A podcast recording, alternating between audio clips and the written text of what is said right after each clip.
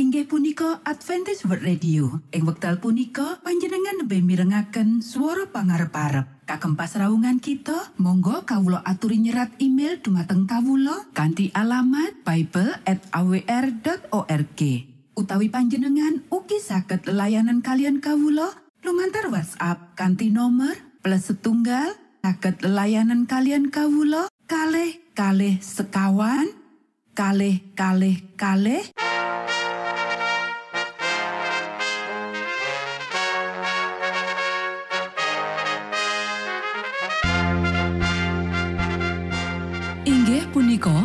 Adventist World Radio ingkang giaran kanti basa Jawi. Tentrem Rahayu kula aturaken kagem para mitra kinasih ing pundi papan lan panggonan. Sugeng pepanggian malih kalian Adventist World Radio. Kanti bingahing manah Kulo badi sesarengan kalian poro mitra kinasi. Lumantar saperangan adicara ingkang sampun rinonci. Mligi kagem panjenengan sami. Mugi giaran punika saged migunani tuen dados berkah kagem kita sedoyo. Sugeng midhangetaken Gusti amberkahi.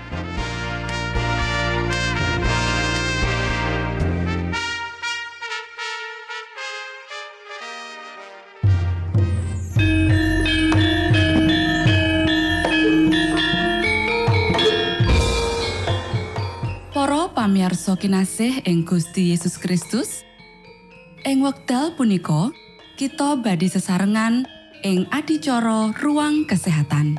Ingkang saestu migunani kagem panjenengan saha kita sami.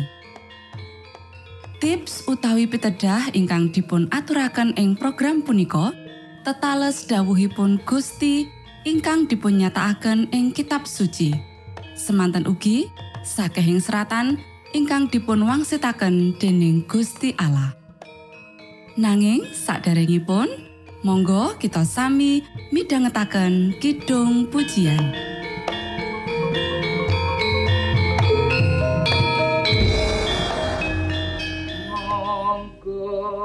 Yesus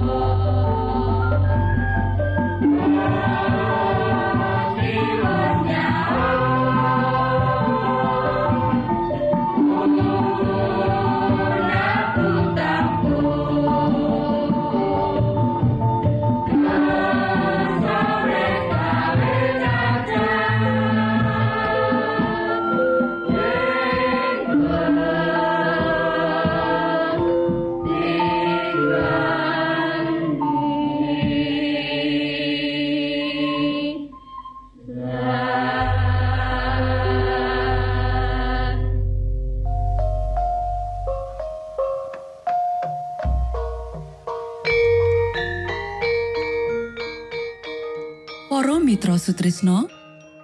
Puji syukur dumateng Gusti ingkang murbeng dumati ingkang sampun kepareng paring wewenngan kagem kita. Satemah saged nglajengaken ruang kesehatan. Pirembakan kita semangke kanthi irah-irahan. Pengaruh marang kapisan betakake lan mutusake perangan loro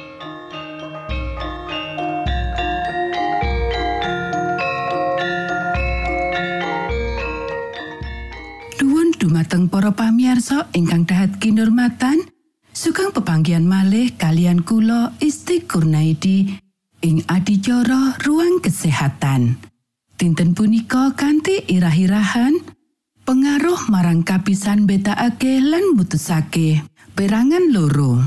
Para sedherek ingkang kinasih saperangan wong ngolok-olok pakaryan reformasi iki lan ngandhakake iku ora perlu menawa iku sawijining rangsangan kanggo ngalihake pikiran saka kebenaran wektu iki. Dheweke ngandhakake menawa bab iku banget digedhek-gedhekke.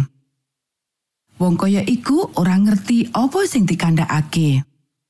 Sawetara pria lan wanita sing ngaku saleh kena leloro wiwit saka bathuk sirah nganti menyang telamaan sikil sawetara tenaga badan pikiran lan roh diringkehake amarga kemareman hawa nepsu lan pakaryan sing kabotan kepiye dheweke bisa nenimbang bukti-bukti kabeneran lan memahami kabeh tuntutan ing Gusti Allah menawa kuasa moral lan intelek wis diapusi dheweke ora bisa ngajeni ajine pedamaian utawa sifat pakaryaning Gusti Allah sing diagungake iku lan ora seneng uga nyinaoni sabdane.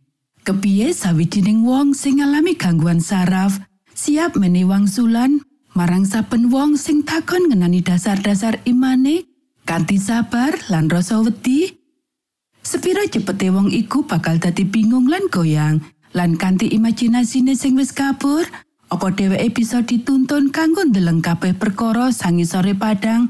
Sing babar pisan salah lan kanthi kurangi kesabaran lan ketenangan sing nandani urip Kristus Apa bisa wong iku nolak pranyatane sawetara ngadepi sawijining wong sing ora duwe akal? Kanggo ndeleng kabeh perkara saka pojok ukuran agama sing dhuwur, kita kudu dadi reformator sing nastiti supaya bisa dadi kaya Sang Kristus. Aku ndeleng menawa Rama kita ing swarga wis maringi berkah gede marang kita, yaiku pepadang reformasi kesehatan supaya kita bisa nuruti tuntutane marang kita. Lan ngluhurake panjenengane sakjroning jiwa raga kita sing ya iku kagungane lan pungkasane kita bisa ngadeg tanpa cacat ing ngarsane tahtaning Gusti. Iman kita nuntut supaya kita ndhuwurake standar lan melangkah maju. Sawetara akeh wong sing nakokake arah sing dituju reformator kesehatan liyane, minangka wong sing duweni akal sehat, dheweke kudu nglakokake samubarang.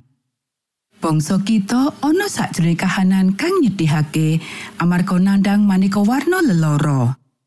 Akeh wong wis nandang leloro. Dheweke banget sangsara amarga pakulinan-pakulinan salah saka wong tuane. Nanging dheweke tetep nuruti dalan sing salah lan anak-anake nusul. Dheweke ketipan leloro lan ora nyadari menawa pakulinane sing salah nekakake kasangsaran gede. Ono pirang-pirang wong sing cukup memahami kepiye pakulinan-pakulinan mangane sing sesambungan karo kesehatan, tabiat, kagunaane ing donya iki lan tujuane sing langgeng. Aku ndeleng menawa ya iku tugas kanggo dheweke sing wis nampa pepadang saka swarga lan sing wis nampa kauntungan menawa mlaku ing sakjroning kanggo nyatakake kepinginan sing luwih gedhe kanggo wong-wong sing isih nandang sangsara amarga kurang pangerten. Para pangrumat sahabat sing wis ngenteni karawuhan juru wilujeng, kutune dadi wong sing ora nyatakake kurangi minat sakjroning pakaryan reformasi sing gedhe iki. Pria lan wanita kutune dididik lan para pendeta lan wong awam kudu rumangsa menawa beban pakaryan iku manggon ana dheweke kanggo mulangake lan negesake marang wong liya. Para sederek, pakulinan-pakulinan fisik, nyokong peranan wigati kanggo kemajuan saben wong. Luwih teliti kowe sakjroning papanganan, luwih prasaja lan tanpa bahan perangsang, mula luwih mantep pertahanan badan sakjroning kegiatan sing seimbang lan luwih cetha konsep ngenani kewajibanmu. Saben pakulinan lan praktek urip kudu diteliti kanthi nastiti supaya karinggihan badan ojo nudungi kabeh samu barang. Matur nuwun, Gusti amberkahi.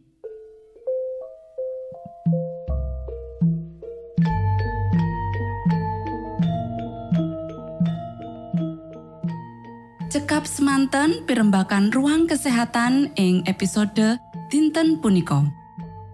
Ugi sampun kuatos jalaran kita badhe pinanggih malih ing episode sak lajengipun.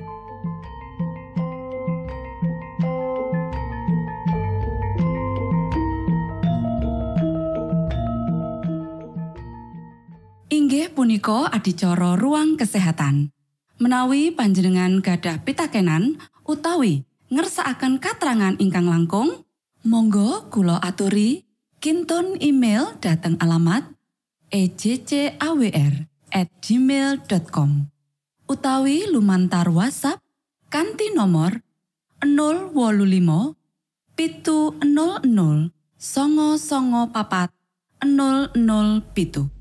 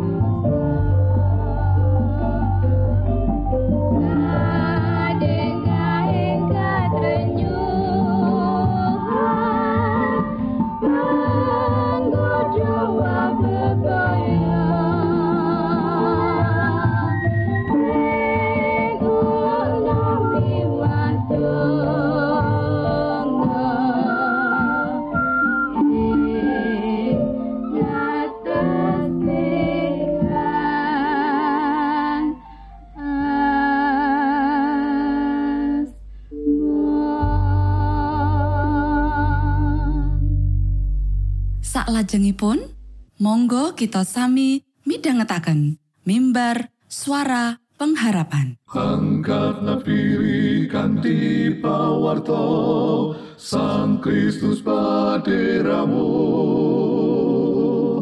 Pro umat samyo puji asmanyo Sang Kristus paderamu.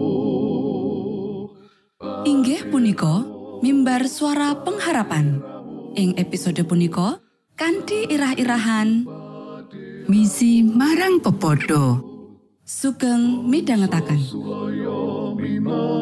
tondo Sang Kristus paderamu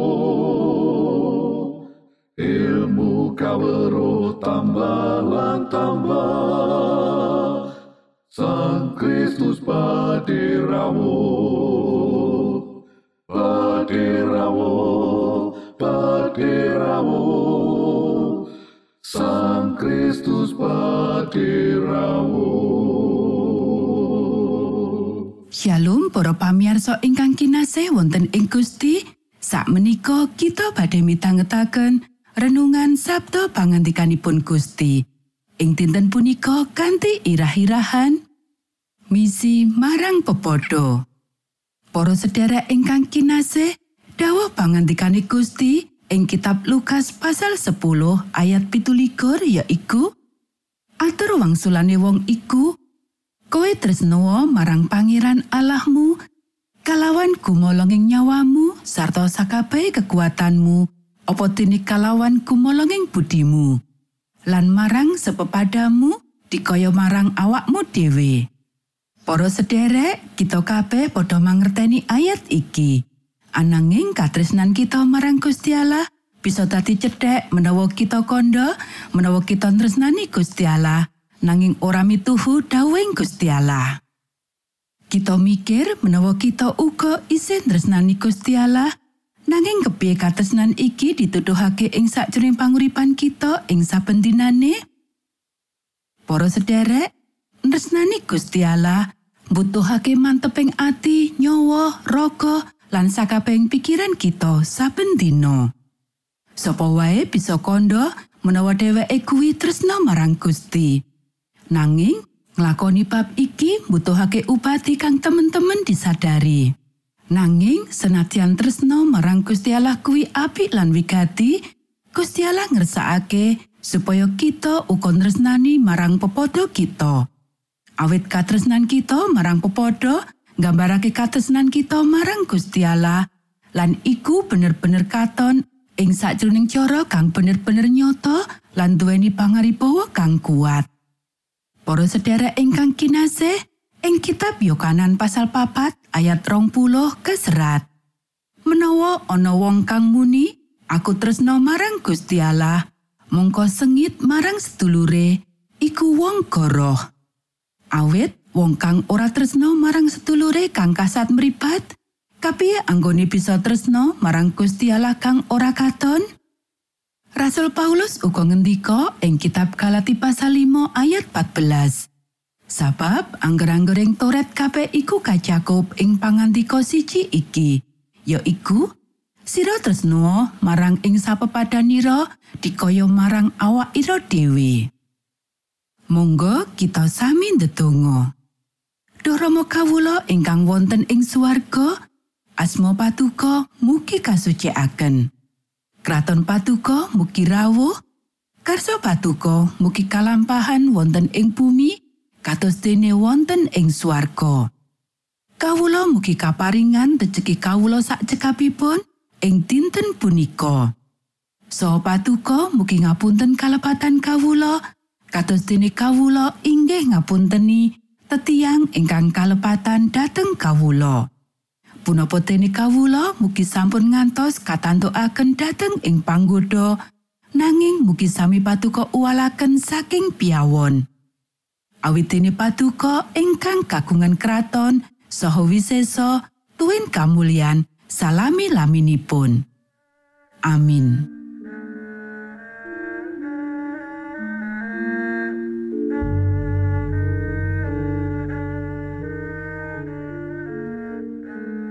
Mitra Sutrisno manungsa kinasih ing Gusti Yesus Kristus. Sampun paripurno pasamuan kita ing dinten punika. Menawi panjenengan gadah pitakenan utawi ngersakaken seri pelajaran Alkitab suara nubuatan, Monggo Kulo aturi kinton email dateng alamat ejcawr gmail.com utawi lumantar WhatsApp kanti nomor 025 pitu 00 songo songo papat 00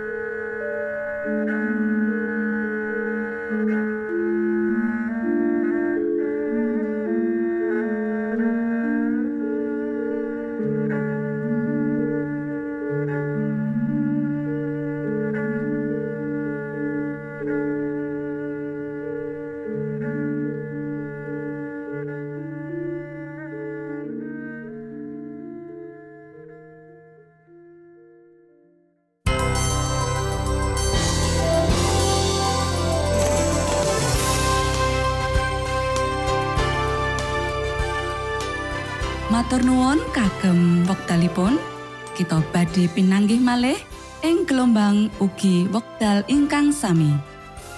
Saking studio kula ngaturaken tentrem rahayu. Gusti amberkahi kita sedaya. Maranata.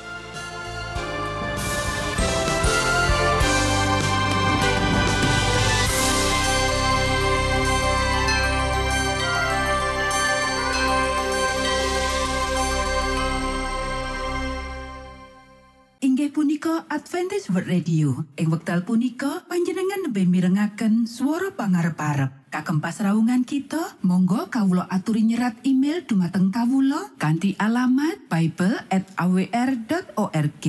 Utawi panjenengan ugi saged layanan kalian kawulo lumantar WhatsApp kanti nomor plus setunggal saged layanan kalian kawulo kalih kalih sekawan kalih kalih kalih